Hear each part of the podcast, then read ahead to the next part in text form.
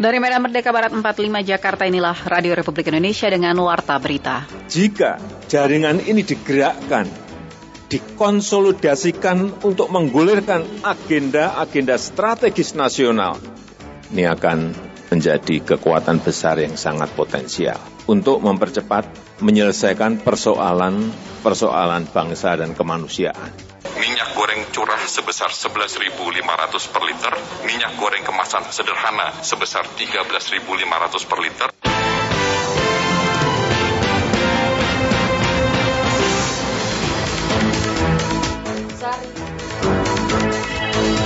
Sari Berita Presiden Jokowi menyebutkan peranan NU untuk bangsa sangat besar. Besok harga minyak goreng kembali akan turun. Inilah warta berita selengkapnya Senin 31 Januari 2022 bersama saya Puspita Ayu dan saya Andela Kusuma.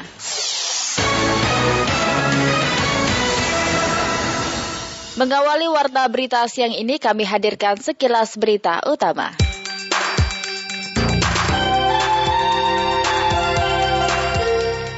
Polisi mengungkap penyalahgunaan pupuk bersubsidi di Kabupaten Tangerang, Banten. Seperti dilansir dari kantor berita Antara, Direktur Tindak Pidana Ekonomi Khusus Bares Krim Polri, Brigjen Wisnu Hermawan mengatakan, dua pelaku yang merupakan pemilik kios ditetapkan sebagai tersangka. Pelaku terancam penjara 6 tahun. Kerugian negara mencapai 30 miliar rupiah. Mahkamah Konstitusi menolak gugatan judicial review Perhimpunan Dokter Hewan Indonesia tentang Undang-Undang Cipta Kerja karena statusnya harus diperbaiki dalam tempo dua tahun setelah dinyatakan inkonstitusional bersyarat. Sementara itu dari mancanegara, Uni Emirat Arab berhasil menghalau rudal yang ditembakkan kelompok pemberontak Yaman Houthi pada Senin 31 Januari 2022. Badan Penerbangan Sipil Uni Emirat Arab juga memastikan aktivitas penerbangan tidak terganggu. Kanada menang 2-0 atas Amerika dalam babak kualifikasi Piala Dunia pada pertandingan yang berlangsung dini hari tadi waktu Jakarta. Hasil ini Kanada berada di puncak klasmen zona CONCACAF dan hasil lain Panama menunjukkan dan berhasil menundukkan Jamaika dengan skor tipis 3-2. Costa Rica kontra Meksiko seri dengan poin kacamata atau 0-0.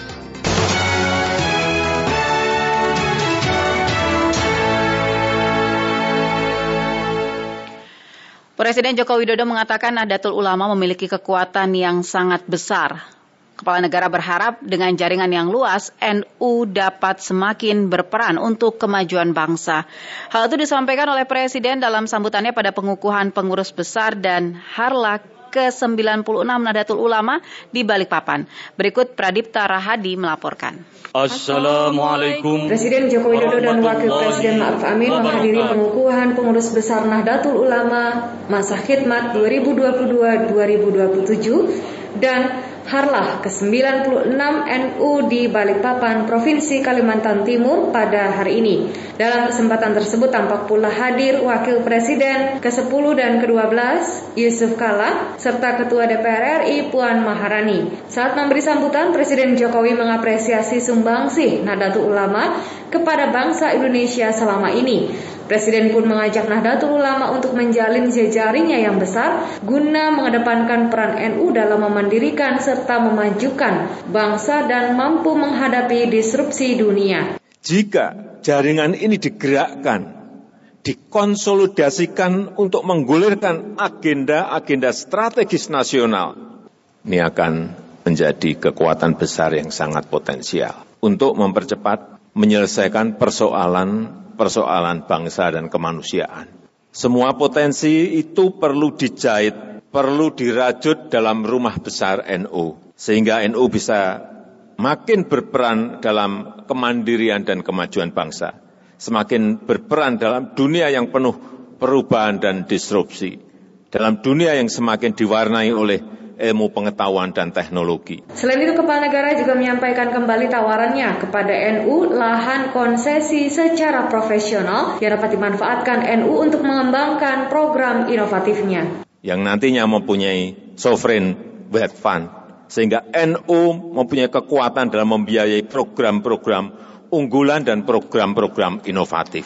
Oleh sebab itu, kenapa saya sampaikan pada muktamar yang lalu, pemerintah siap memberikan konsesi yang besar, tapi secara profesional, sesegera mungkin. Saya sudah siapkan, nggak mungkin saya memberikan ke NU yang kecil-kecil. Saya pastikan yang gede, nah, insya Allah yang gede. Sementara itu Ketua Umum PBNU Yahya Khalil Stakuf menyebut pihaknya siap menerima tawaran Presiden Jokowi secara profesional. Siap melaksanakan uluran tangan Bapak Presiden secara profesional dan bertanggung jawab.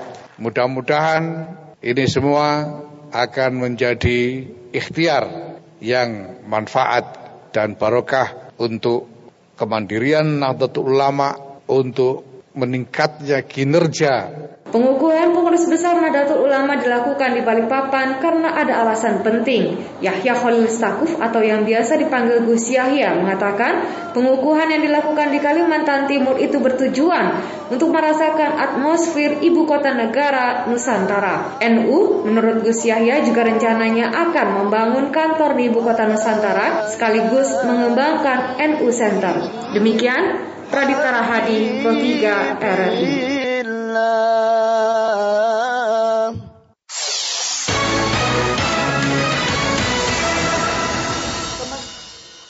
Sementara itu, Wakil Presiden Ma'ruf Amin mengatakan potensi besar NU yang sangat besar harus dioptimalkan menjadi kekuatan yang real dalam rangka pengabdian kepada agama, bangsa, dan negara. Potensi NU sangat besar dan harus dioptimalkan, baik di tingkat nasional maupun global.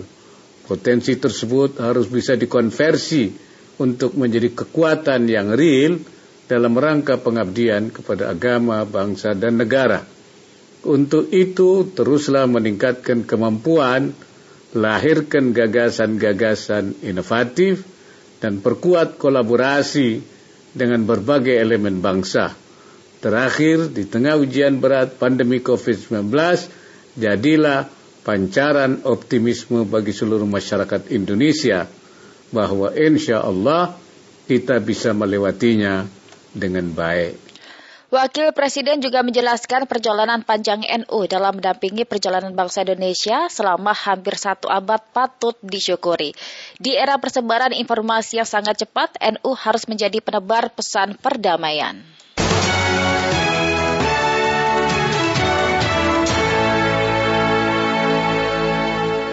Anda masih mendengarkan Warta Berita Radio Republik Indonesia. Polisi menetapkan tiga orang sebagai tersangka terkait pinjaman online ilegal di kawasan Pantai Indah Kapuk. Informasi ini selengkapnya akan dilaporkan oleh Rian Suryadi yang saat ini berada di Mapolres Metro Jakarta Utara. Rian, ada informasi terbaru apa dari Polres Jakarta Utara? Baik Puspita dan Andela serta pendengar Pro 3 RRI bahwa memang saat ini saya sedang berada di Mapolres Metro Jakarta Utara di mana baru saja pihak kepolisian dari Polres Metro Jakarta Utara telah mengungkap adanya tiga tersangka terkait penggeledahan kantor pinjaman online yang sempat digeledah pada Kamis malam oleh pihak Polres Metro Jakarta Utara di mana memang 27 orang diamankan dan saat ini tiga orang sudah ditetapkan menjadi tersangka ketiganya itu yakni berinisial YFC yaitu warga negara asal Cina yang berusia 38 tahun dan ia bertugas eh, sebagai bertanggung jawab atas segala tindakan pemberian pinjaman dan jangka waktu pinjaman serta penagihan pinjol berbasis sistem. Yang kedua yaitu berinisial S, warga negara Indonesia berusia 34 tahun sebagai penerjemah dari tersangka yang pertama. Kemudian ada tersangka inisial N yaitu laki-laki berusia 22 tahun yang melakukan yaitu mengingat kepada pelaku pembayaran awal menagih pakai atau bisa disebut debt collector. Berikut keterangan dari Kabit Humas Polda Metro Jaya Kombes Pol Hendra Zulpan di Mapores Metro Jakarta Utara. Yang terintegrasi dengan penagihan pinjaman online ilegal. Kemudian 25 buah unit CPU yang berisi sistem aplikasi berbasis pinjaman online Ya, di sini eh, aplikasinya itu ya bisa saya sampaikan di antaranya ada Kesku, Kredito, kotak online, kredit cair dan sebagainya. Kemudian diamankan juga sebagai barang bukti empat unit monitor, kemudian satu unit decoder dan router, satu unit mesin akses, serta beberapa dokumen yang lain ya yang terkait dengan kegiatan pinjaman online yang juga menyangkut dengan uh, data daripada uh, nasabah atau peminjam. Dan diketahui bahwa memang modus kejahatan oleh perusahaan ini yaitu mereka telah melakukan pengancaman kepada korban dan juga menyebarkan data pribadi korban atau data pribadi peminjam terkait dengan kronologi seperti itu. Dan memang dari penangkapan tersebut polisi telah menyita 27 unit handphone dan juga empat monitor serta beberapa perangkat lainnya untuk dilakukan pinjaman online dan memang dari kejahatan tersebut terkait tindakan ini ketiga tersangka dijerat pasal 27 ayat 5 Jungto pasal 45 dengan ancaman 4 tahun penjara. Dan juga ada beberapa pasal yaitu 368 dengan ancaman paling lama 9 tahun penjara serta pasal 115 di mana penjara 2 tahun dan denda 12 miliar serta pasal keempat yaitu pasal 8 ayat 1 tentang perlindungan konsumen pidana dengan ancaman 5 tahun penjara dan denda 2, 2 miliar rupiah. Sementara itu dulu laporan dari Mapores Metro Jakarta Utara yang sudah kembali ke studio.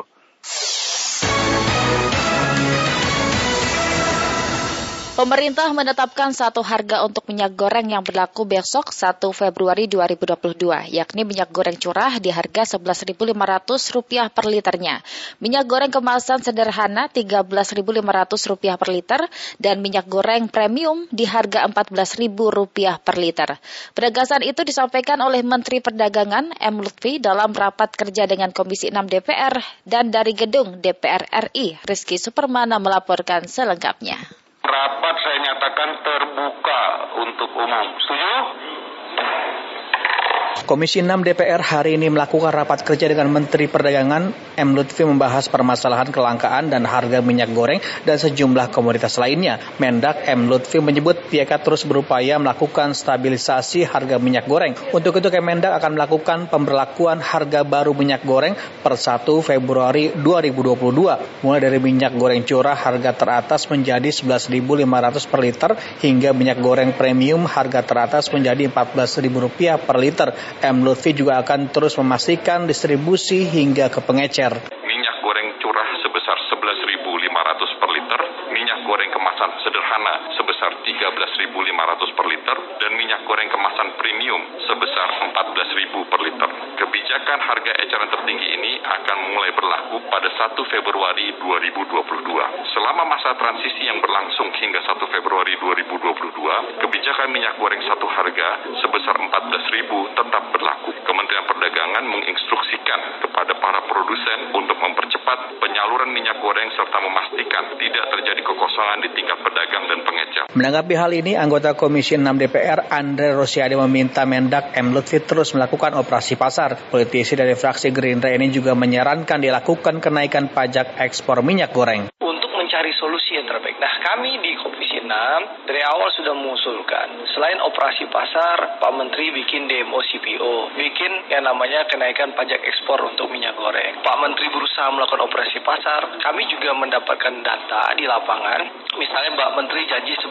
juta liter untuk menjelang Natal dan Tahun Baru, yang terrealisasi 5 juta liter. Karena memang pengusahanya nggak komit. Komisi 6 DPR meminta Kemendak memastikan kestabilan pasokan dan harga minyak goreng dan sejumlah komoditas lainnya jelang bulan Ramadan dan Lebaran tahun 2022 yang rentan mengalami kenaikan harga hingga kelangkaan. Dari ruang sidang Komisi 6 DPR, Rizky Supermana Pro 3 RRI. Rapat saya nyatakan terbuka untuk umum. Setuju?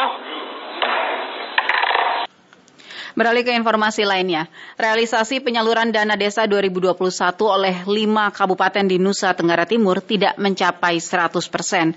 Kondisi tersebut karena kapasitas sumber daya manusia yang kurang. Dari Kupang, berikut Alotani melaporkan. Hanya lima kabupaten yang kemudian belum mencapai Menurut Kepala Kantor Wilayah Direktorat Jenderal Perbendaharaan Provinsi Nusa Tenggara Timur, Catur Arianto Widodo, realisasi dana desa tingkat Provinsi NTT tahun 2021 2021 sebesar 99,5 persen. Realisasi tersebut menurut Catur Widodo masih di bawah nasional yang realisasinya mencapai 99,82 persen. Catur Widodo menjelaskan menurut tahapannya realisasi penyaluran untuk dana desa reguler tahap 1 hingga 3 adalah yang terbanyak dengan anggaran sebesar 1 triliun 686,36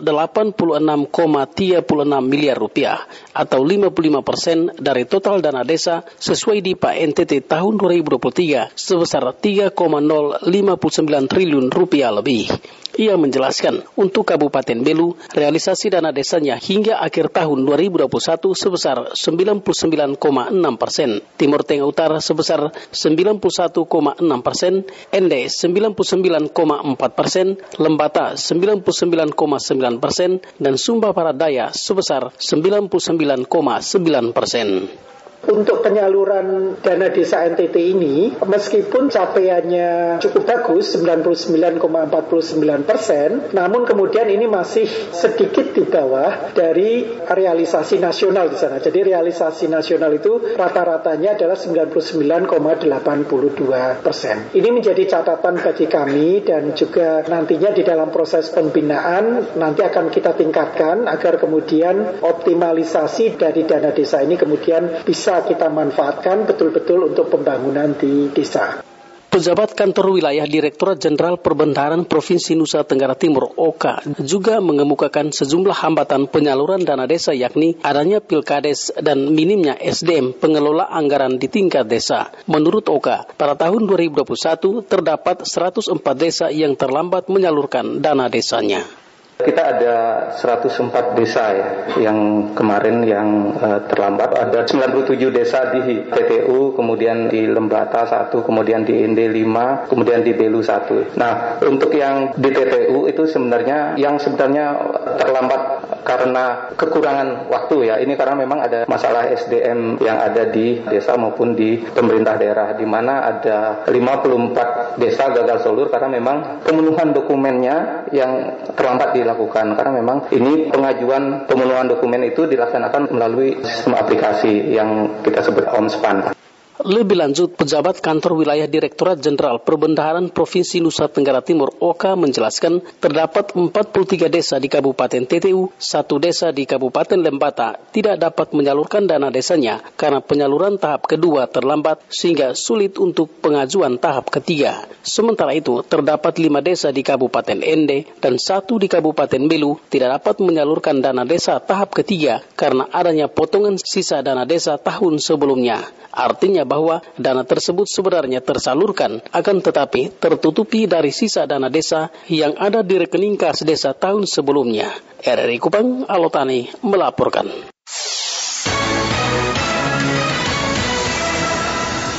Gubernur Riau Syamsuar menginstruksikan bupati dan wali kota untuk mempersiapkan fasilitas kesehatan untuk mengantisipasi gelombang ketiga COVID-19.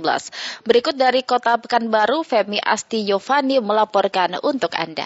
Pak Menteri Kesehatan bahwa dimungkinkan Omikron ini nanti akan mulai kelihatan di berbagai daerah itu pada bulan Februari. Sudah ada satu warga kota Pekanbaru yang terkonfirmasi COVID-19 varian Omikron saat melakukan perjalanan ke kota Batam, Kepulauan Riau. Dengan sudah adanya masyarakat kota Pekanbaru terpapar Omikron, maka pelaksanaan vaksinasi semakin harus ditingkatkan. Pelaksana tugas PLT Kepala Dinas Kesehatan Provinsi Riau Masrul Kasmi mengatakan vaksinasi harus digesah baik itu untuk dosis 1, dosis 2, dan dosis 3 atau booster. Masrul menuturkan untuk vaksinasi, pemerintah provinsi mentargetkan sampai mencapai capaian maksimal yakni 100%, baik itu untuk vaksinasi bagi masyarakat umum, masyarakat lansia maupun anak-anak agar terciptanya kekebalan komunal atau herd immunity. Untuk mempedomani protokol kesehatan, masker, cuci tangan, jaga jarak dan segala itu, tambah dengan upaya herd immunity-nya dengan peningkatan vaksinasi. Capaian ini sampai pada angka yang maksimal 100%. Seluruhnya sudah nasi. Baik itu dosis sama, dosis pertama, dosis kedua, sama sekarang dosis penguatan kan, bos. Ini yang kita terus dorong agar capaiannya semua tercapai lebih maksimal sampai pada angka yang full. 100%. Sementara itu, Gubernur Riau Samsuar menginstruksikan seluruh pemerintah Kabupaten Kota Seriau untuk mempersiapkan fasilitas guna penanganan COVID-19 jika nanti terjadi lonjakan kasus positif akibat Omikron. Pada saat ini hal-hal yang perlu kita persiapkan pertama rumah sakit rujukan dan tempat isolasi terpusat di provinsi, kabupaten kota supaya disiapkan dengan menyediakan obat-obatan yang cukup dan kesiapan tenaga medis. Jadi ini dalam rangka varian Omicron, beberapa hari ini kita sudah mengikuti penjelasan Pak Menteri Kesehatan bahwa dimungkinkan Omicron ini nanti akan mulai kelihatan di berbagai daerah itu pada bulan Februari. Karena itu tentunya kita harus mempersiapkan agar kita sudah siap kalau terjadi adanya peningkatan penularan di daerah. Gubernur Riau Samsuar menghimbau masyarakat untuk tidak perlu khawatir meski sekarang ini sudah ada ditemukan warga Pekanbaru yang terpapar Omikron. Masyarakat diminta untuk semakin disiplin dalam penerapan protokol kesehatan, terutama dalam pemakaian masker dan mengurangi mobilitas keluar daerah, terutama daerah yang sudah banyak kasus Omikron. Femi Astiovani, RRI, Pekanbaru. Sejumlah desa di Barito Kuala, Kalimantan Selatan masih terendam banjir rob. Reporter Aulia Rahman melaporkan bahwa aktivitas masyarakat tetap normal. Tidak bisa Pak ya, karena memang uh, airnya ini kan se, uh, selutut ini. Jadi uh, bawahnya itu uh, apa namanya karena Pemantauan secara berkala Badan Penanggulangan Bencana Daerah Kabupaten Barito Kuala terus dilakukan di sejumlah kawasan. Hasilnya masih terdapat banjir rob pada sejumlah desa di Kecamatan Mandas Tanah, Jijangkit, Cirebon, Rantau Badauh, dan Kuripan. Meski ketinggian air terpantau normal, namun beberapa hari yang lalu menurut PLT Kepala Pelaksana BPBD Batola, Irman Sahadi, salah satu kecamatan yakni Jijangkit, sempat direndam banjirop setinggi 50 cm.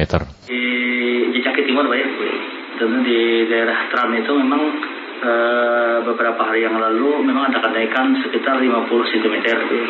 Nah kita sudah apa namanya melaporkan ke Ibu Bupati bahwa kemarin maunya kan diturunkan oleh perahu karet, gitu. tapi ternyata memang e, untuk perahu ini kan masih masih tidak tidak bisa pak ya karena memang e, airnya ini kan se apa selutut ini, jadi e, bawahnya itu e, apa namanya karena Nah, jadi apa namanya atas usulan masyarakat juga kita sampaikan ke Ibu Bupati bahwa mereka maunya dibangunkan jembatan untuk ke sekolah. Kendati demikian banjirop ini masih belum terlalu berdampak terhadap aktivitas warga di sejumlah kecamatan. Sementara itu, sebagian warga di beberapa kecamatan Batola sudah mendapatkan bantuan dampak banjir dari BNPB. Bantuan berupa bahan bangunan ini bervariasi mulai dari 10 juta hingga 25 juta rupiah tergantung kerusakan rumah. Total ada 1.551 KK atau rumah yang mendapatkan bantuan dengan total senilai 16,21 miliar rupiah. Kendati belum seluruhnya mendapatkan bantuan, namun sebagian warga yang terdata mendapatkan bantuan tersebut sudah mulai melakukan perbaikan rumahnya. Meski begitu, Mas Taria, warga Jejangkit mengaku belum mencairkan dana bantuan karena material bangunan lebih dulu dibeli dengan dana talangan. Tuntung panggil capek, bangun tahun rumah ada berapa lagi, hanya merapat sebelum melihat, jadi dipasang kayu aja dulu.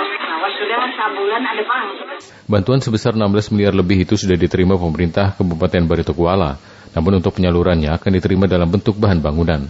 Sementara warga yang terdata mendapatkan bantuan diperkenankan memperbaiki rumahnya terlebih dahulu dengan syarat yang sudah ditentukan untuk selanjutnya dana akan dicairkan.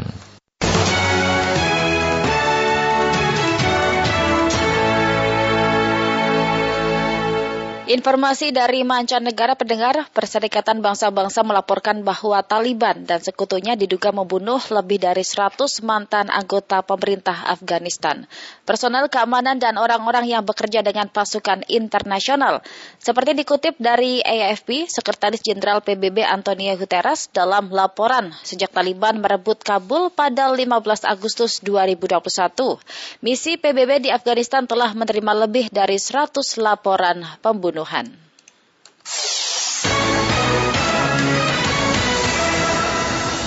pembunuhan. beralih ke berita olahraga, pelatih kepala timnas Indonesia Sintayong meminta otoritas sepak bola di tanah air untuk membahas terkait delapan pemain timnas Indonesia yang positif terpapar COVID-19.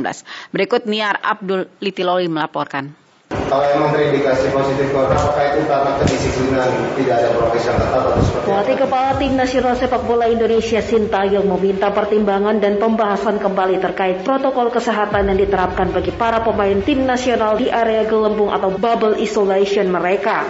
Pasalnya, jalan laga uji coba kedua bersama Timor Leste dalam FIFA Matchday di Bali hari Minggu kemarin. Delapan pemain tim nasional Indonesia dinyatakan positif COVID-19. Hal ini menjadi pertanyaan tersendiri bagi Sin. Pasalnya, ia dan tim telah menerapkan protokol kesehatan ketat lebih dari biasanya. 우리가 매일매일 PCR 검사를 하고 있습니다. 어느 방송보다 더 엄격하게. Oh, sebenarnya kami setiap hari ya melakukan PCR test memang lebih untuk protokol lebih ketat daripada waktu-waktu lain. Jadi sampai ada uh, 8 pemain yang positif hari biasa itu akan hari ini. Uh, sebenarnya uh, kalau untuk protokol memang sama-sama kita patuhi dengan baik. Tetapi dengan terjadinya situasi seperti ini, posisi sendiri kan makin tidak tahu bagaimana. Tetapi sikap pemain, kami sangat bekerja keras dan sehingga mendapatkan hasil yang baik seperti hari ini. Untuk masalah-masalah corona seperti ini memang harus kita mempertimbangkan lagi harus bagaimana ke depan. Hal serupa juga disampaikan oleh pelatih kepala timnas Timor Leste, Fabio da Silva. Dalam keterangannya usai pertandingan, Fabio menyatakan empat pemainnya bersama seorang fisioterapis tim positif COVID-19. Fabio juga merasa bingung bagaimana para pemainnya mendapatkan hasil positif, padahal mereka adalah satu-satunya tim yang berada di hotel tempat mereka menginap. We are isolated, just our team in the hotel. And four players and one Kami terisolasi sendiri di hotel kami, namun empat pemain dan satu orang fisioterapis kami hasil tesnya positif. Kemarin kami semua berlatih dan mempersiapkan tim, dan tadi pagi kami kembali mengulangi tes yang sama. Dan hasil yang sama tetap berlaku bagi empat pemain dan satu fisioterapis kami. positive. So today we repeat the test. Everyone, everybody in the team is the same players and the, the physio was found positive. Hingga berita ini dibuat, belum ada keterangan lebih lanjut dari PSSI selaku Federasi Sepak Bola Indonesia terkait para pemain timnas Indonesia dan Timor Leste yang dinyatakan positif COVID-19 sesaat sebelum laga uji coba kedua pada FIFA Matchday di Bali kemarin. Dari Jakarta, Mir Abdul Pro 3 RRI.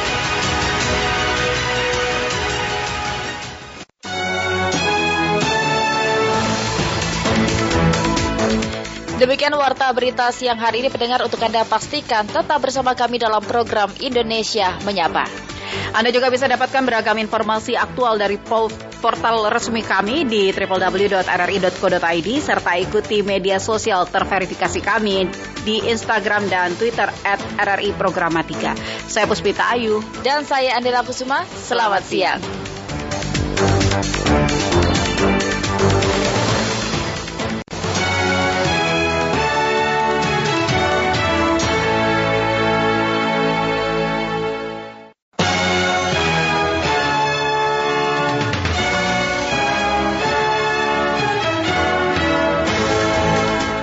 Dari Medan Merdeka Barat 45 Jakarta, inilah Radio Republik Indonesia dengan Warta Berita. Ada dugaan terjadi tindak pidana perdagangan orang karena berkaitan dengan adanya pendayagunaan orang-orang yang di, ada di dalam sel ini untuk melakukan pekerjaan-pekerjaan di kebun sawit atau di perusahaan dengan membebaskan saya dari segala tuntutan dakwaan jaksa penuntut umum.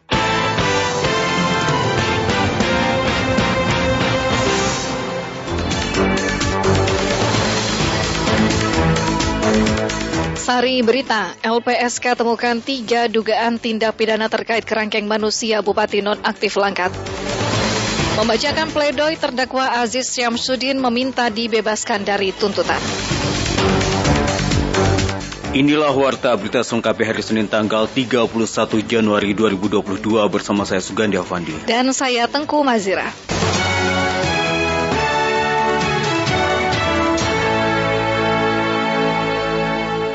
Pendengar mengawali Warta Berita malam hari ini kami hadirkan sekilas berita utama.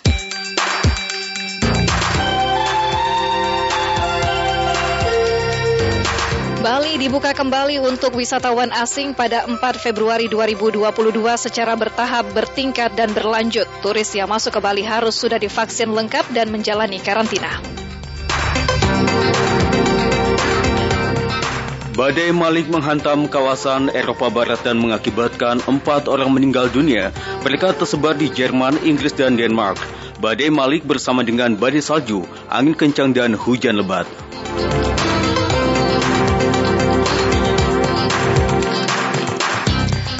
Tiga pemain PSS Sleman yang sedang mengikuti kompetisi Liga 1 Masuk kami Liga Indonesia seri keempat putaran kedua di Bali terkonfirmasi positif COVID-19. Seperti dilansir dari kantor berita Antara, dokter tim PSS Sleman Feras Ardiles Muhammad mengatakan satu orang mengalami gejala ringan dan ketiganya menjalani karantina.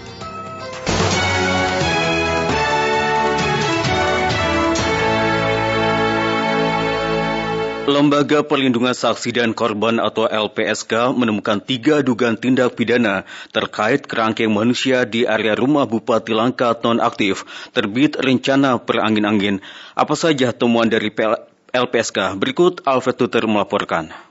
Saya yang terjun ke Langkat pada minggu yang lalu. Lembaga Perlindungan Saksi dan Korban LPSK dalam jumpa pers terbarunya menyatakan menemukan tiga dugaan tindak pidana dalam kerangkeng manusia di area rumah Bupati Langkat nonaktif terbit rencana perangin-angin. Ketua LPSK Hasto Atmojo menyebutkan tiga dugaan tindak pidana ini meliputi menghilangkan kemerdekaan orang atau beberapa orang secara tidak sah, perdagangan orang hingga praktek panti rehabilitasi ilegal.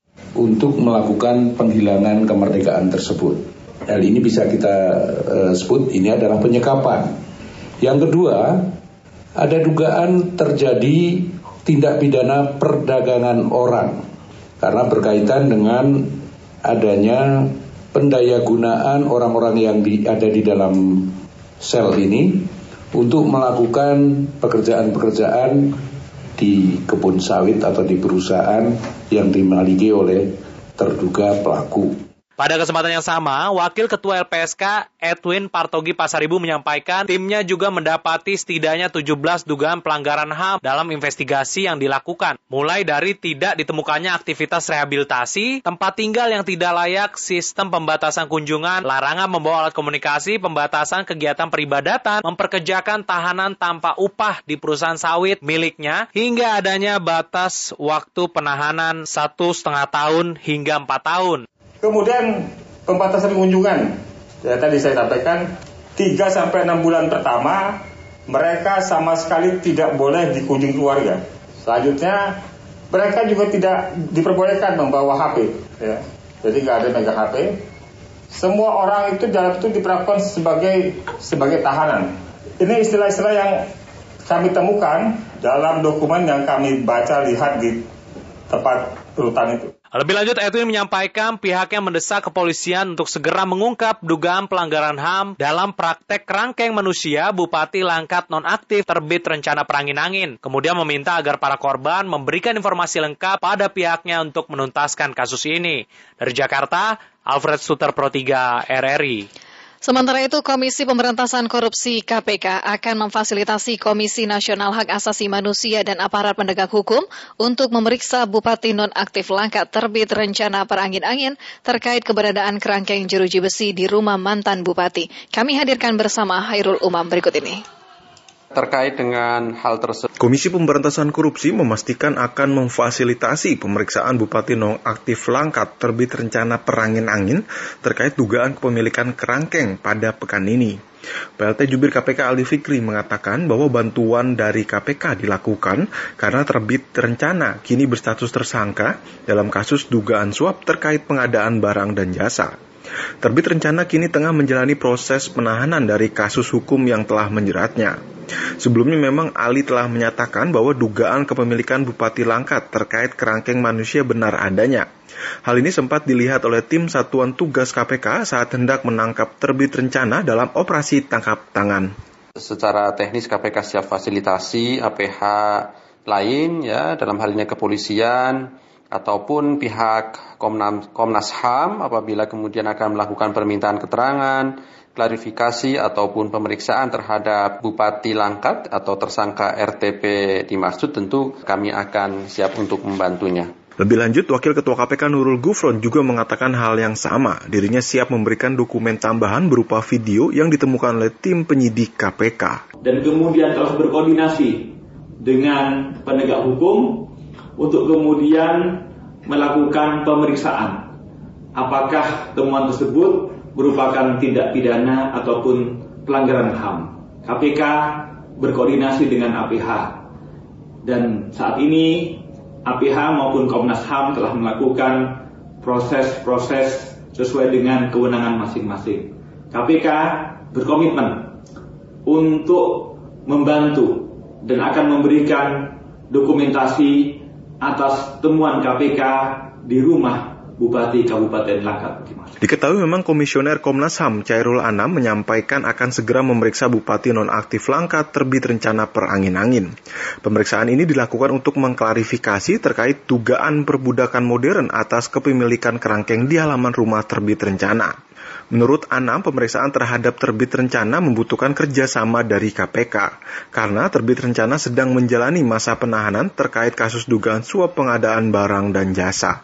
Dari Jakarta, Herul Umam Pro 3 RRI melaporkan.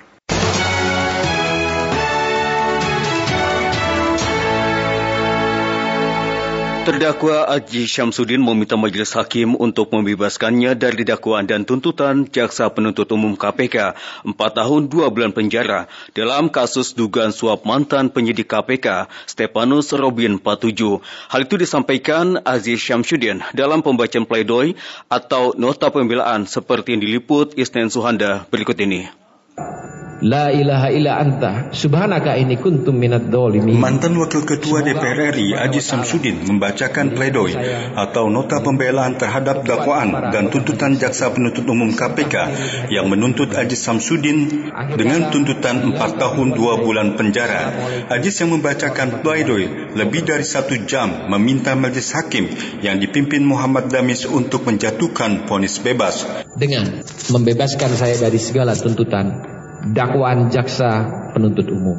Sementara itu, tim kuasa hukum Aziz Samsudin, Sira Prayuna mengatakan dakwaan jaksa penuntut umum KPK lebih banyak berdasarkan asumsi sehingga dakwaan jaksa harus dinyatakan batal demi hukum dan membebaskan kliennya Aziz Samsudin dari segala dakwaan dan tuntutan jaksa penuntut umum. Pasal 5 ayat 1 ayat 1 poin A itu kami anggap tidak terbukti karena apa prinsip dasar yang paling fundamental di dalam pasal 5 itu ayat 1A itu adalah apakah seseorang Robin memiliki kewenangan atau kapasitas untuk berbuat atau tidak berbuat satu yang bertentangan dengan kewajiban dalam jabatannya. Nah, kita melihat rangkaian fakta-fakta yang terungkap, Robin itu bukan satgas. SOP itu sangat ketat sekali di KPK. Sebelumnya jaksa penuntut umum KPK Li Putranto Setiawan meminta majelis hakim agar menghukum Aziz Samsudin dengan pidana 4 tahun 2 bulan penjara dan denda sebesar 250 juta subsidiar 6 bulan kurungan serta menuntut hak politik Aziz Samsudin dicabut selama 5 tahun terhitung sejak terdakwa selesai menjalani masa pidana pokok. Dari Jakarta, Muhammad Isten Suhanda, Pro 3 RRI. Menteri Kesehatan Budi Gunadi Sadikin meminta masyarakat yang terpapar COVID-19 dengan status orang tanpa gejala atau OTG atau gejala ringan cukup isolasi mandiri di rumah, tidak perlu ke rumah sakit. Berikut imbauan lengkap Menteri Kesehatan seperti yang diliput Pradipta Rahadi. Saya persilakan Menteri uh, Erlangga. Lonjakan kasus COVID-19 yang terjadi belakangan ini begitu menyita perhatian. Per 31 Januari 2022, jumlah kasus terkonfirmasi positif bertambah lebih dari 12.400 kasus. Dalam keterangan pers secara virtual pada hari ini, Koordinator PPKM Jawa Bali Luhut Binsar Panjaitan menuturkan, angka positivity rate terkonfirmasi COVID-19 di Indonesia sudah melebihi standar Organisasi Kesehatan Dunia WHO. Saat ini juga positivity rate sudah berada di atas standar WHO yaitu 5 persen. Hal tersebut didorong oleh positivity rate PCR test yang telah mencapai 24 persen. Jumlah orang diperiksa dan dites secara harian juga meningkat cukup signifikan dibandingkan beberapa waktu yang lalu. Ini saya kira kerja keras TNI Polri dan BIN yang perlu kita apresiasi. Karenanya Luhut mengimbau masyarakat untuk tidak takut melakukan pemeriksaan antigen ataupun PCR jika bergejala batuk pilek agar segera mendapat perawatan sehingga memutus mata rantai penularan COVID-19. Hal ini dilakukan semata-mata untuk dapat segera mengetahui kondisi pasien dan melakukan perawatan sehingga memutus mata rantai penyebaran COVID-19. Sementara itu, Menteri Kesehatan Budi Gunadi Sadikin dalam kesempatan yang sama juga mengimbau kepada masyarakat jika terkonfirmasi positif COVID-19 namun tidak bergejala atau OTG, cukup mendapat perawatan di rumah dan tidak perlu mendapat perawatan ke rumah sakit. Menkes Budi menjelaskan perawatan di rumah sakit hanya ditujukan kepada mereka yang bergejala sedang hingga berat. Karena kita mengetahui nanti kenaikan kasusnya akan tinggi, sehingga pressure-nya akan tinggi juga masuk rumah sakit. Dan kita lihat bahwa kesembuhannya tinggi untuk yang Omikron berbeda dengan Delta. Kami menghimbau bahwa sebaiknya Bapak Ibu kalau OTG tidak usah dirawat di rumah sakit. Di rumah saja. Demikian juga kalau ringan. Ringan itu artinya saturasinya tetap di atas 95% di rumah saja. Ada batuk, pilek, demam sedikit. Selama saturasi di atas 50% di rumah. Biarkan rumah sakit menjadi tempat di mana saudara-saudara kita yang parah, yang berat, yang sedang kritis, yang membutuhkan treatment oksigen dirawat di sana. Pemerintah pun memastikan bahwa pemberlakuan pembatasan kegiatan masyarakat PPKM di luar Jawa Bali diputuskan diperpanjang mulai tanggal 1 hingga 14 Februari mendatang. Percepatan vaksinasi dosis lengkap dan juga booster juga akan diperluas ke berbagai wilayah. Demikian Pradita Rahadi, Pro 3 RRI.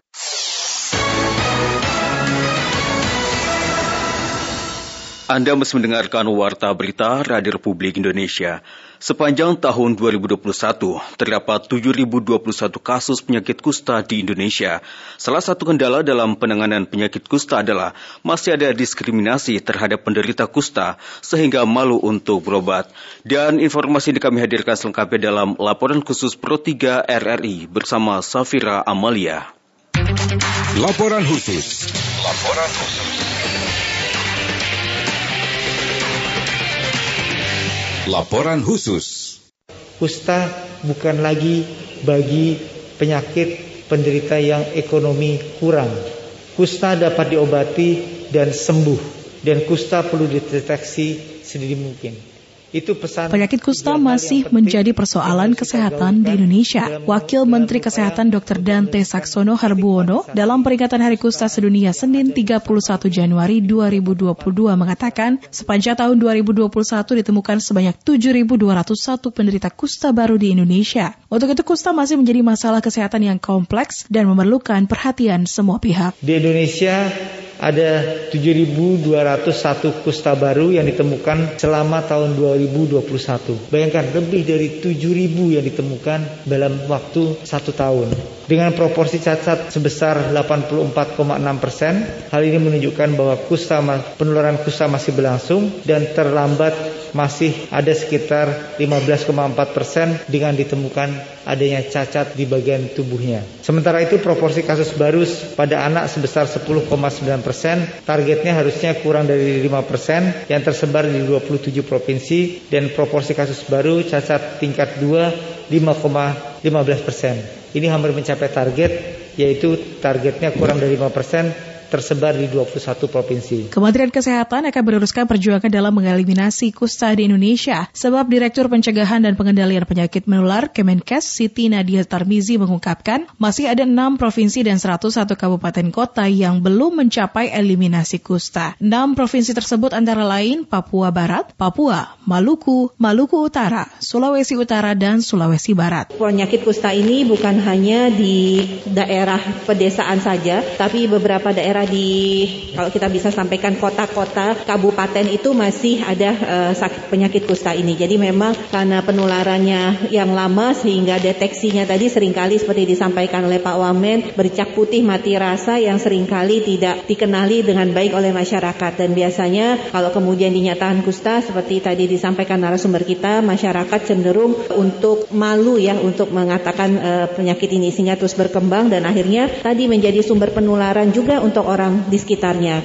Kusta atau lepra merupakan penyakit infeksi bakteri kronis yang menyerang jaringan kulit, saraf tepi, serta saluran pernapasan. Sayangnya eliminasi kusta di Indonesia masih menemui banyak kendala. Sekretaris Umum Perhimpunan Dokter Spesialis Kulit dan Kelamin Perdoski, Sri Linuih Menaldi menyatakan, salah satu kendala paling besar dalam eliminasi kusta adalah stigma diri dan stigma sosial. Stigma itu bisa stigma diri, bisa juga stigma sosial. Dan kita tidak boleh lupa bahwa dokter pun, para tenaga kesehatan pun punya stigma loh. Gitu.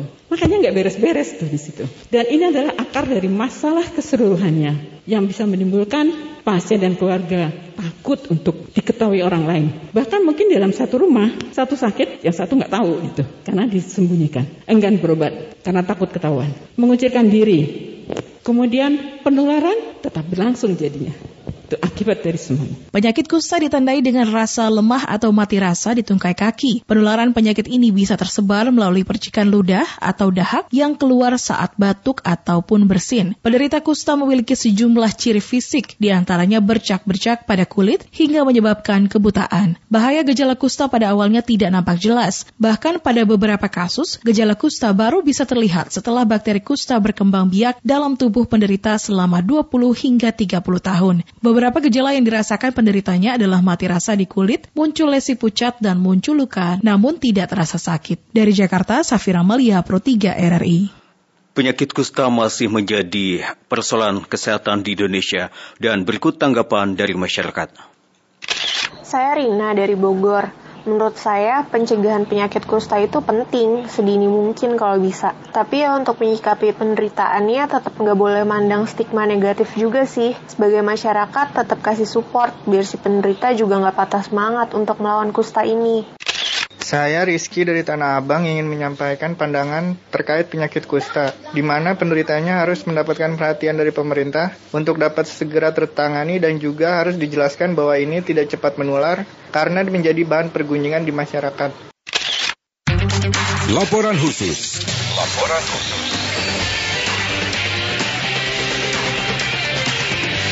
Laporan khusus.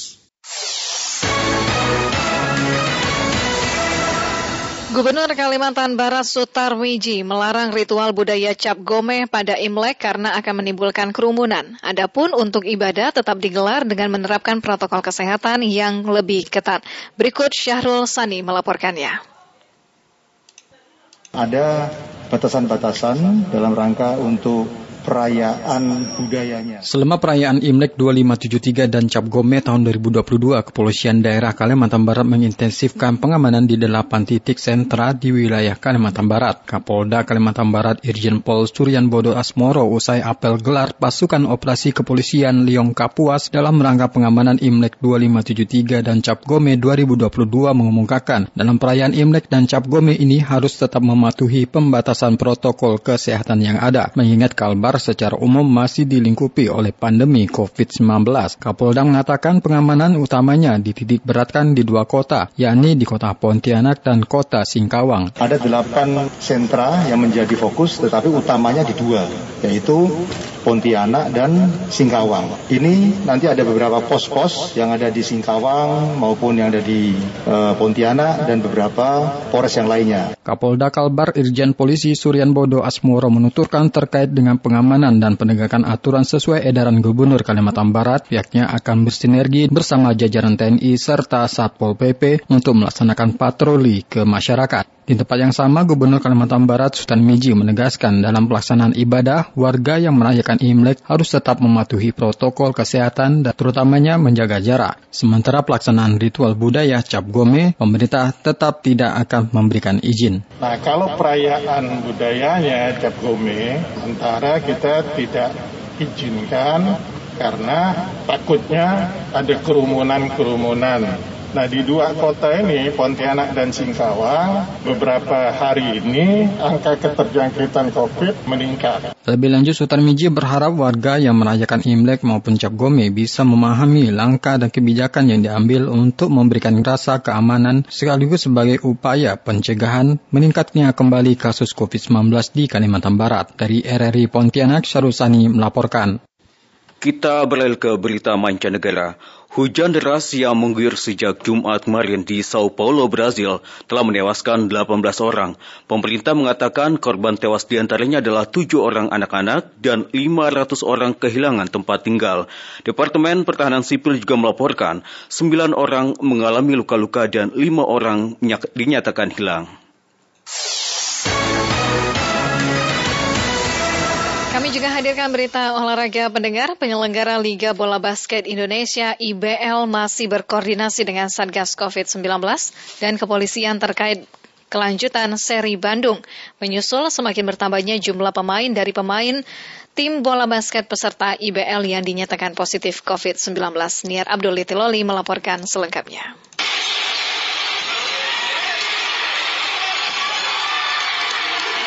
Penyelenggara Liga Bola Basket Indonesia IBL musim 2022 masih berkoordinasi dengan pihak Satgas COVID-19 dan kepolisian terkait keberlangsungan IBL seri kedua yang tengah berlangsung di Bandung.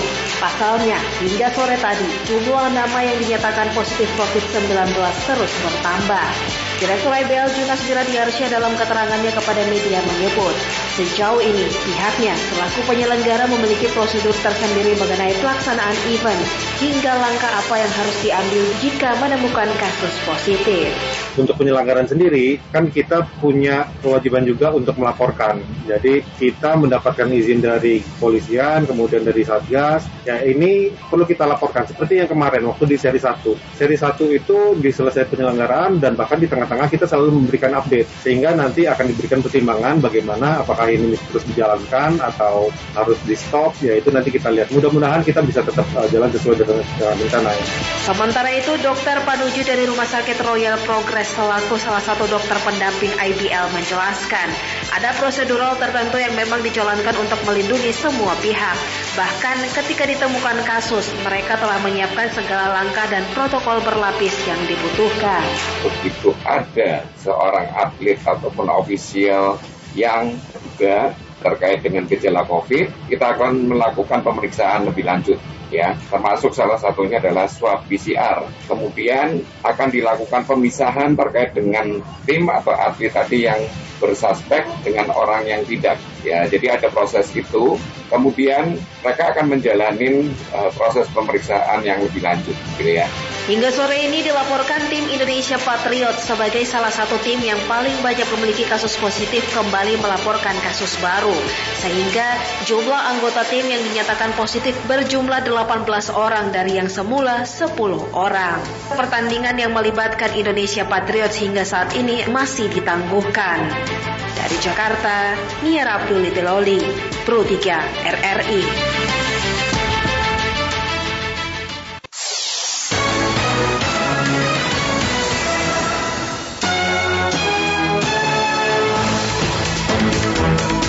Lepas ini kami akan melanjutkan kembali Indonesia Menyapa Malam dan dapatkan juga berbagai informasi aktual dari portal resmi kami www.rri.co.id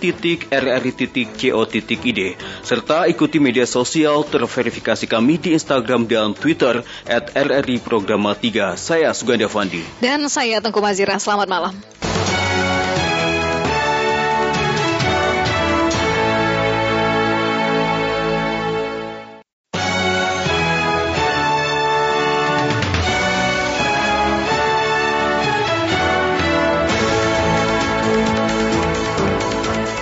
Selamat pagi pendengar dari lantai 7 Medan Merdeka Barat Padan 5 Jakarta inilah Radio Republik Indonesia dengan Warta Berita Pagi.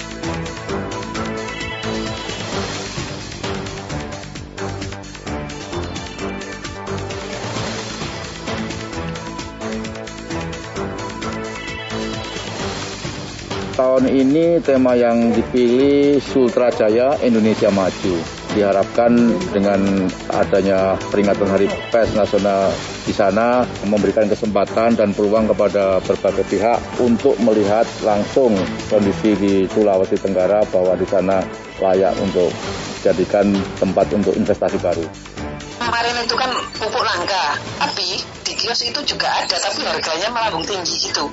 Padahal kemarin kan sulit-sulitnya bulan Desember itu juga nggak datang, November, Desember.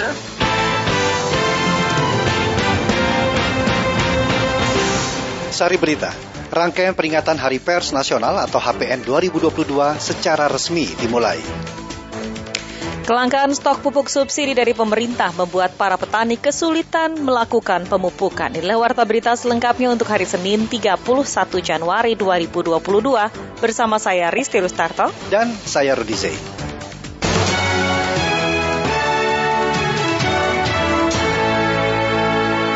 Pendengar mengawali warta berita pagi ini kami sampaikan sekilas berita utama.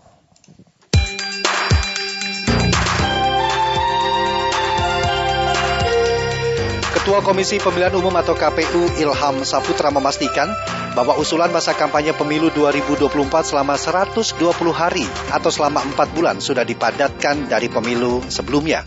Hal tersebut ia sampaikan merespon permintaan sejumlah politisi partai politik agar KPU dapat memangkas masa kampanye pemilu 2024.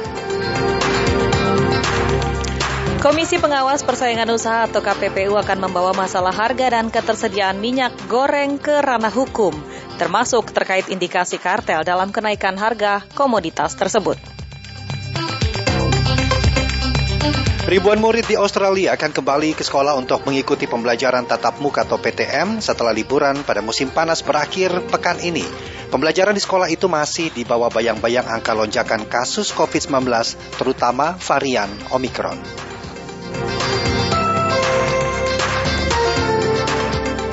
Rangkaian peringatan Hari Pers Nasional atau HPN 2022 secara resmi dimulai di Jakarta. Kemarin kick off ini ditandai dengan pengumuman penghargaan Anugerah Jurnalistik Adi Negoro 2021. Alfred Stuter melaporkan selengkapnya. Pers Nasional 2022. Rangkaian peringatan Hari Pers Nasional HPN tahun 2022 secara resmi dimulai di Jakarta kemarin. Kickoff ini ditandai dengan pengumuman penghargaan Anugerah Jurnalistik Adinegoro 2021. Ketua Panitia HPN 2022 Auri Jaya dalam launching HPN 2022 Anugerah Adinegoro di Auditorium TVRI Gelora Jakarta Pusat mengungkapkan puncak pelaksanaan HPN tahun ini bakal digelar di Kendari, Sulawesi Tenggara dengan tema Sultra Jaya Indonesia Maju. Uh, tahun ini tema yang dipilih Sultra Jaya Indonesia Maju. Jadi di Sulawesi Tenggara itu banyak sekali potensi-potensi yang belum tergarap dan diharapkan dengan adanya peringatan Hari Pers Nasional di sana memberikan kesempatan dan peluang kepada berbagai pihak untuk melihat langsung kondisi di Sulawesi Tenggara bahwa di sana layak untuk jadikan uh, tempat untuk investasi baru. Pada kesempatan yang sama, Direktur Jenderal Informasi dan Komunikasi Publik Kementerian Kominfo, Usman Kangsong, berharap peringatan Hari Pers Nasional tahun 2022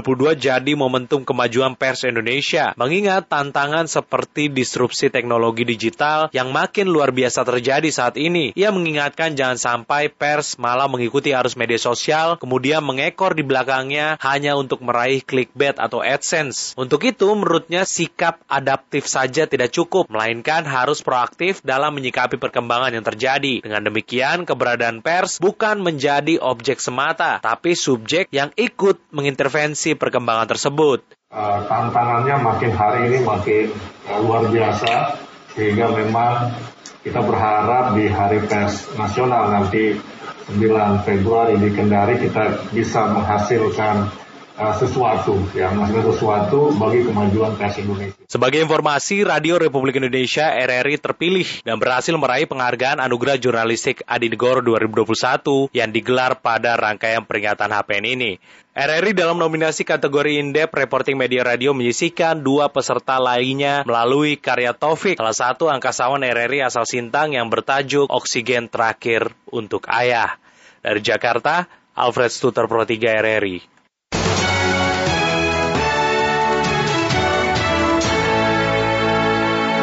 Lembaga Perlindungan Saksi dan Korban atau LPSK menilai ada indikasi dugaan tindak pidana perdagangan orang terhadap warga yang menjalani rehabilitasi di kerangkeng manusia milik Bupati Langkat nonaktif terbit rencana perangin angin. Berikut kami hadirkan laporan Joko Saputra ada indikasi terjadinya tindak pidana perdagangan orang karena fakta baru kembali terkuak dalam kasus dugaan perbudakan orang di rumah pribadi Bupati Langkat nonaktif terbit rencana perangin-angin. Hasil investigasi yang dilakukan tim Lembaga Perlindungan Saksi dan Korban LPSK menguatkan tudingan pelanggaran hak ajasi manusia terhadap terbit rencana yang sebelumnya terjaring operasi tangkap tangan OTT oleh KPK.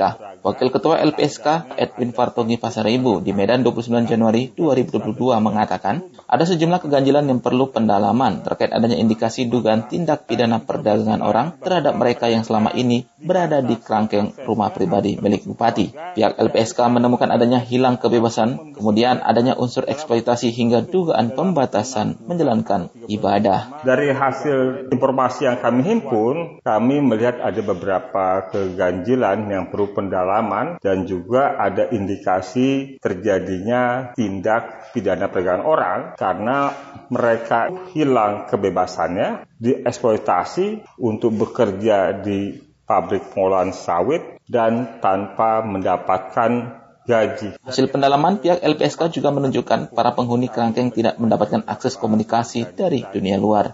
Pihaknya bahkan menilai hal yang diberlakukan di lokasi kerangkeng yang diakui sebagai tempat rehabilitasi bagi pengguna narkoba dan kejahatan remaja justru melebihi rumah tahanan atau lapas bahkan jauh dari kata layak. Dan informasi lain bahwa mereka dibatasi aksesnya atau termasuk keluarga tidak bisa mengakses atau membesuk mereka dalam waktu-waktu tertentu dalam enam bulan atau tiga bulan pertama tidak boleh diakses oleh keluarga. Sebelumnya, Komisioner Penyelidikan Komnas HAM Muhammad Khairul Anam mengatakan, dari hasil penyelidikan tim menemukan adanya proses rehabilitasi dengan indikasi kekerasan fisik, bahkan sampai menyebabkan hilangnya nyawa termasuk lokasi yang diakui sebagai rehabilitasi memang tidak memiliki izin dari pemerintah. Faktanya kita temukan memang terjadi satu proses rehabilitasi yang cara melakukan rehabilitasinya memang penuh dengan eh, catatan-catatan uh, kekerasan fisik sampai hilangnya nyawa. Dalam konteks hilangnya nyawa ini kami menemukan informasi, kami sudah telusurin dan sangat solid.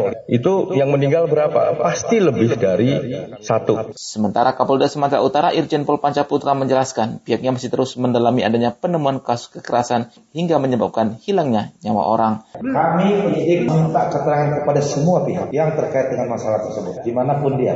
Jadi tidak usah khawatir, kita akan datang. Kalau memang itu terkait dengan Pak Bupati sekarang yang ada ditahan di KPK, kita akan minta keterangannya. Atas temuan itu, pihak LPSK mendesak aparat penegak hukum mengambil tindakan cepat. Edwin berharap aparat penegak hukum tidak terjebak pada opini yang berkembang di tengah masyarakat yang justru mencoba menghapus fakta yang sesungguhnya. LPSK mendesak agar pemerintah berani untuk menertibkan lokasi kerangkeng tersebut. Pihaknya juga mendorong agar Kementerian Dalam Negeri memastikan kejadian seperti ini tidak akan terulang kembali. Dari Medan, Joko Saputra melaporkan. Akses oleh keluarga. Meski jumlah penduduk miskin di daerah istimewa Yogyakarta sedikit menurun, namun pemerintah daerah masih menemui kendala untuk terus menekan angka kemiskinan.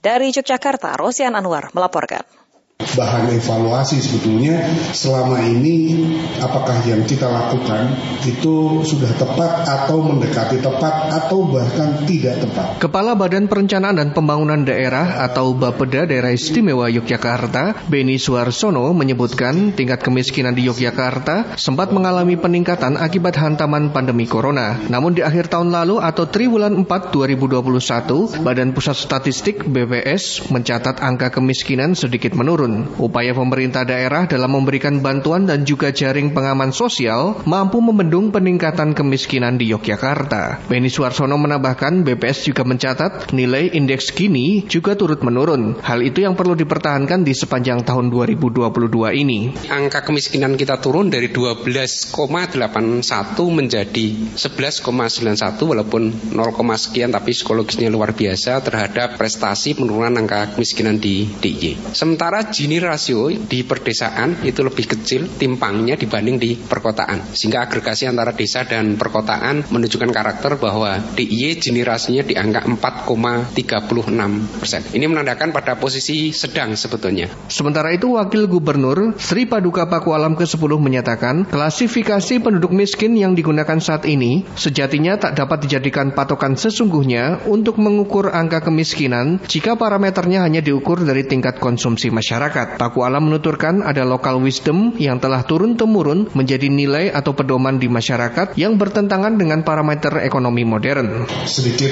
ilustrasi bahwa memang kearifan lokal, local wisdom di Yogyakarta agak, bukan agak, amat sangat berpengaruh terhadap aktivitas penanggulangan kemiskinan. Contoh di Gunung Kidul, kalau menggunakan tetap parameter konsumsi tentu berat. Mereka bahkan ada yang mengatakan kami makan seadanya, yang penting sapi kami sehat. Pengeluaran untuk membeli rumput gajah atau bahasa Jawa suket gajah itu lebih tinggi dari konsumsi sehari-hari. Kemudian juga aset mereka juga cukup banyak. Nah, bukti-bukti anomali yang ada bisa dibuktikan mungkin sejawa kita tuh paling miskin disparitas kita juga rasio gini kita juga paling tinggi ya. Tapi coba paling miskin tapi spend untuk pendidikan kita paling tinggi di Indonesia. Kemudian lama pendidikan, angka harapan hidup, kemudian indeks IPM kita paling tinggi. Jadi sesuatu yang yang amat sangat bertolak belakang.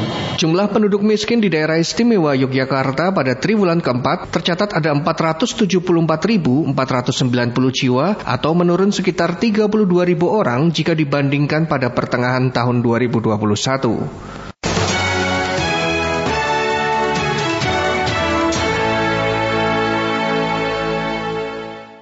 Terima kasih pendengar Anda masih bersama kami dan pendengar untuk informasi selanjutnya yang akan kami hadirkan pada kesempatan pagi hari ini adalah rendahnya pupuk subsidi yang disalurkan di wilayah Kabupaten Buol, Provinsi Sulawesi Tengah pada tahun 2022 dikhawatirkan akan berpengaruh terhadap produktivitas petani.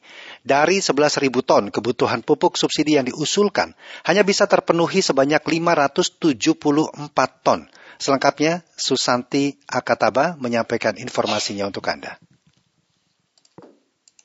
kami yang sangat membutuhkan NPK ini justru kami diberikan yang sangat minim. Sebenarnya di mana persoalannya? Pemerintah daerah Kabupaten Buol mengungkapkan kekecewaannya terhadap penyaluran pupuk subsidi pada tahun 2022 ini, di mana permintaan menambah kuota pupuk subsidi tidak terpenuhi. Justru sebaliknya, kuota yang disalurkan jauh lebih rendah dibandingkan tahun 2021 lalu. Tenaga fungsional pupuk pestisida dan alsintan Dinas Pertanian dan Peternakan Kabupaten Buol, Syahyam Pur mengungkapkan, tahun 2021 lalu, kuota pupuk subsidi yang disalurkan di Kabupaten Buol sebanyak 800 ton. Pemerintah daerah Kabupaten Buol kemudian meminta tambahan pada tahun ini, mengacu pada rencana definitif kebutuhan kelompok RDKK pupuk subsidi. Tetapi kuota yang didapatkan justru dikurangi. Padahal saat ini, animo masyarakat di Kabupaten Buol cukup tinggi dalam mengembangkan sektor pertanian. Dengan kuota pupuk yang minim, dikhawatirkan petani enggan menggarap lahan lahan, apalagi saat ini harga pupuk non-subsidi juga mengalami kenaikan. Tambah berat mereka bagaimana mereka untuk mengolah tanahnya, bagaimana mereka mau mengadakan pemupukan yang maksimal lagi untuk mencapai nilai produksi yang tinggi. Kalau di dalam ketersediaan pupuknya juga mereka tidak ada kasihan. Sementara itu perwakilan petani di Kabupaten Buol, Sumar kepada RRI mengungkapkan jika pupuk tidak tersedia maka petani akan mengalami kesulitan untuk menggarap lahan. Kuota yang dikurangi akan berdampak pada jumlah pupuk yang diterima pada tiap kelompok tani. Tak ada pilihan lain selain berhenti berhenti menggarap lahan karena modal yang dibutuhkan sangat besar jika menggunakan pupuk non-subsidi. Kenapa bisa begitu? Kasihan. Sementara ini kasihan petani di sini baru lagi marak-maraknya mereka berkebun, bertani. Ini sekarang sudah lagi dianu dengan ini pupuk ini. Karena kalau sampai kebutuhan pupuknya mereka tidak terpenuhi juga, aduh, ini jadi jadi malas kembali nanti ini petani kalau begini. Sumar berharap agar kuota pupuk subsidi di Kabupaten Buol bisa mendapatkan tambahan, sehingga petani dimudahkan dalam menggarap lahan. Apalagi di masa pandemi COVID-19, banyak warga di Kabupaten Buol yang menggantungkan hidup dari sektor pertanian. Jika pupuk tidak tersedia, maka pendapatan warga terancam karena tak mampu menggarap lahan. Susantia Kataba melaporkan.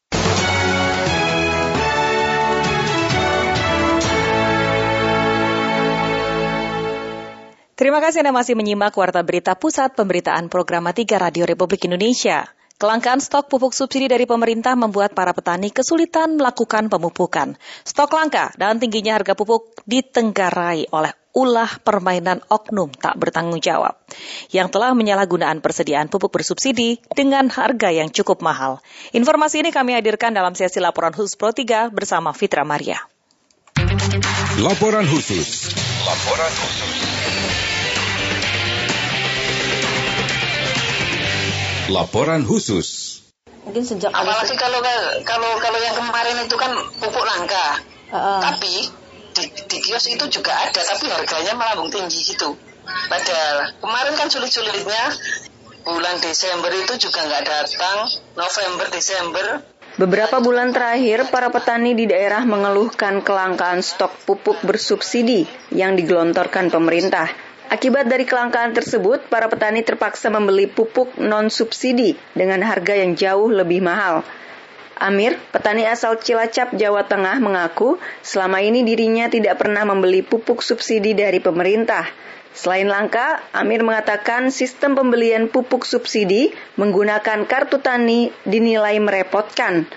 Ia bahkan harus merogoh kocek hingga tiga kali lipat untuk membeli pupuk non-subsidi kalau di Cilacap itu pupuk susah mbak masalahnya kan sekarang ada kebijakan harus pakai kartu tani mm -hmm.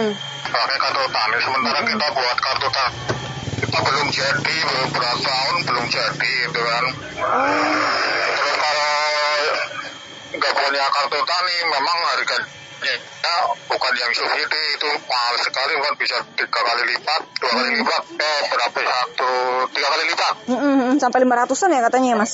Iya. Lima ratusan sekarang. Hmm. selain Amir kami juga menanyakan hal serupa kepada petani asal Tuban Jawa Timur bernama Yono Selama tiga bulan terakhir ini, Yono mengatakan stok pupuk di wilayahnya sempat langka. Tidak hanya itu, pupuk-pupuk yang berlabel subsidi bahkan dijual di kisaran Rp200.000.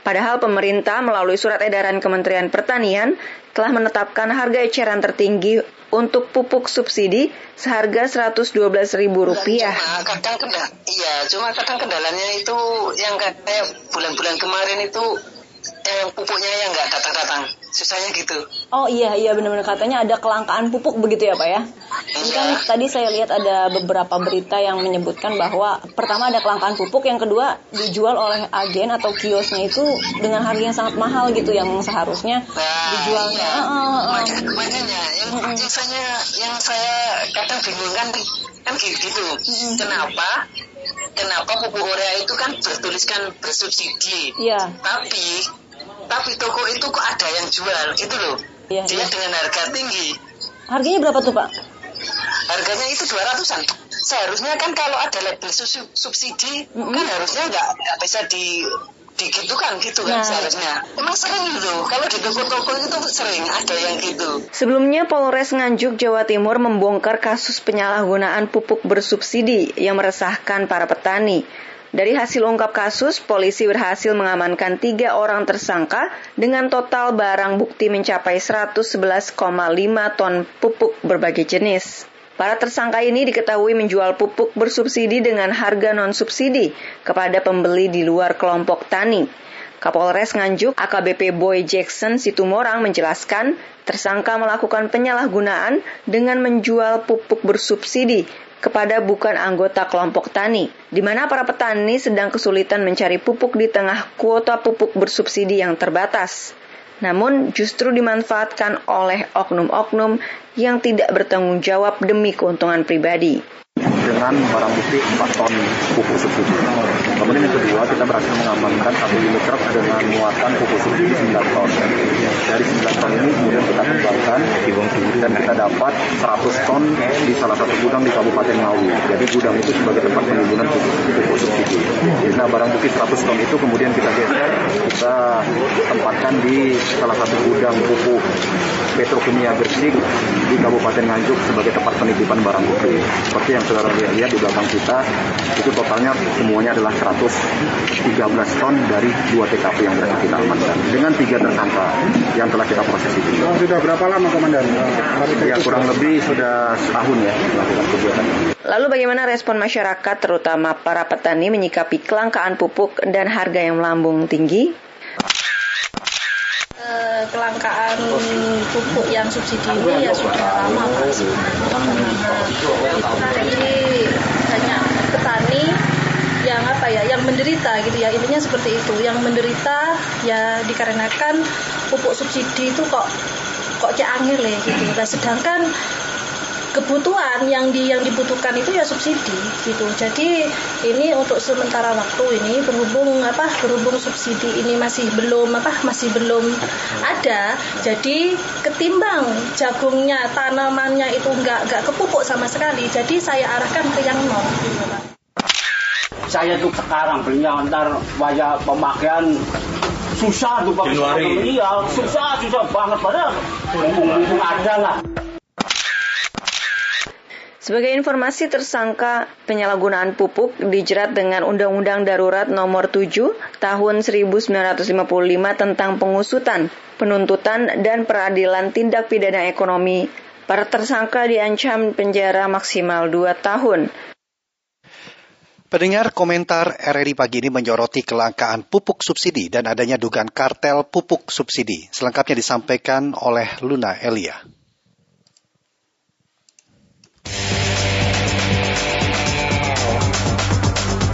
Editorial Pro 3 Selamat pagi pendengar. Petani padi di sejumlah daerah kembali mengeluhkan naiknya biaya produksi akibat kelangkaan stok pupuk bersubsidi menjelang masa tanam. Kelangkaan pupuk bersubsidi sempat terjadi di Nusa Tenggara Timur pada pertengahan Januari 2022 lalu. Kepala Ombudsman Republik Indonesia perwakilan NTT Darius Bedadaton mengatakan, para petani kembali mengeluhkan sulitnya ketersediaan pupuk yang menghambat produksi pertanian. Di Lamongan, Jawa Timur misalnya, petani Lamongan juga sempat mengeluh gegara kesulitan untuk mendapatkan pupuk NPK Ponska saat mau melakukan pemupukan tanaman padi. Padahal Biasanya, pupuk tersebut mudah didapatkan di kios-kios pupuk tiap desa. Selain itu, harganya lebih terjangkau karena bersubsidi. Namun, stok pupuk yang dianggap selalu ada itu ternyata kosong. Dirjen Prasarana dan Sarana Pertanian Kementerian Pertanian Ali Jamil membantah langkanya pupuk bersubsidi. Menurut Ali, pupuk bersubsidi bukan langka, namun hampir setiap tahunnya, usulan pupuk bersubsidi hanya dapat dipenuhi oleh pemerintah kurang lebih 40 persen dari total pengajuan. Data Kementerian Pertanian menyebutkan kebutuhan petani secara nasional mencapai 22,57 juta ton hingga 26,18 juta ton per tahun. Namun anggaran negara hanya cukup untuk 8,87 juta ton hingga 9,55 juta ton senilai 25 triliun dan hal tersebut tentunya jauh dari harapan. Kelangkaan pupuk di pasaran sebenarnya masalah klasik, pelik, dan banyak variabelnya, seperti masalah distribusi pupuk yang terhambat SK yang diterbitkan Kepala Dinas Pertanian di kabupaten kota, serta rumitnya data manual dan ERDKK bagi petani yang memiliki hak untuk membeli dengan harga subsidi. Selain itu, langkanya pupuk bersubsidi diduga karena adanya kartel mafia pupuk. Aparat kepolisian Resort Nganjuk, Jawa Timur, tiga hari lalu menangkap tiga orang yang terlibat dalam kasus penyalahgunaan pupuk bersubsidi di wilayah Kabupaten Nganjuk. Total barang bukti yang disita sebanyak 111,5 ton pupuk bersubsidi dengan berbagai jenis. Pengawasan dan tindakan tegas perlu dilakukan pemerintah terhadap para pelaku penyelewengan pupuk bersubsidi, baik itu distributor, kios, dan petani, termasuk para joki, pengepul, atau pihak-pihak yang memperoleh pupuk bersubsidi secara ilegal pemberantasan kartel mafia pupuk oleh kejaksaan dan kepolisian harus didukung semua pihak. Praktek kartel mafia pupuk diyakini telah banyak merugikan petani. Kita berharap tindakan tegas dapat segera dilakukan aparat penegak hukum agar petani Indonesia bisa sejahtera di masa depan. Sekian komentar.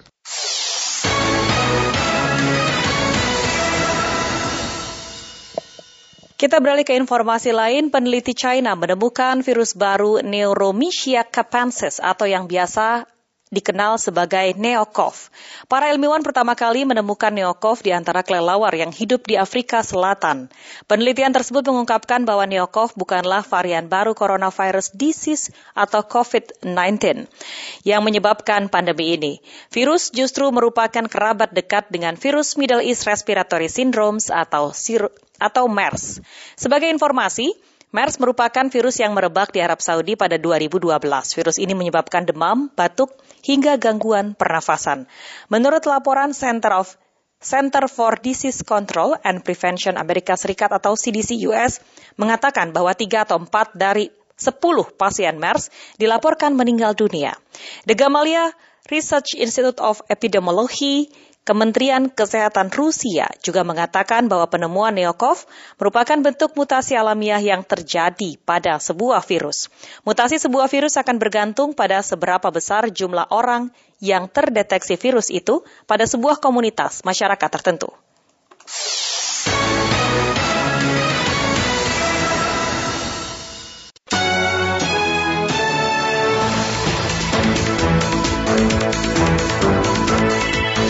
Demikian Warta Berita Pro 3 Radio Republik Indonesia dan kami harap Anda tetap bersama kami untuk menyimak informasi aktual lainnya dalam program Indonesia Menyapa. Dapatkan informasi aktual dalam portal resmi kami www.rri.co.id dan juga portal resmi kami Instagram dan Twitter di @rri Programa 3. Saya Risti. Saya Rudi Zain. Selamat, Selamat pagi. pagi.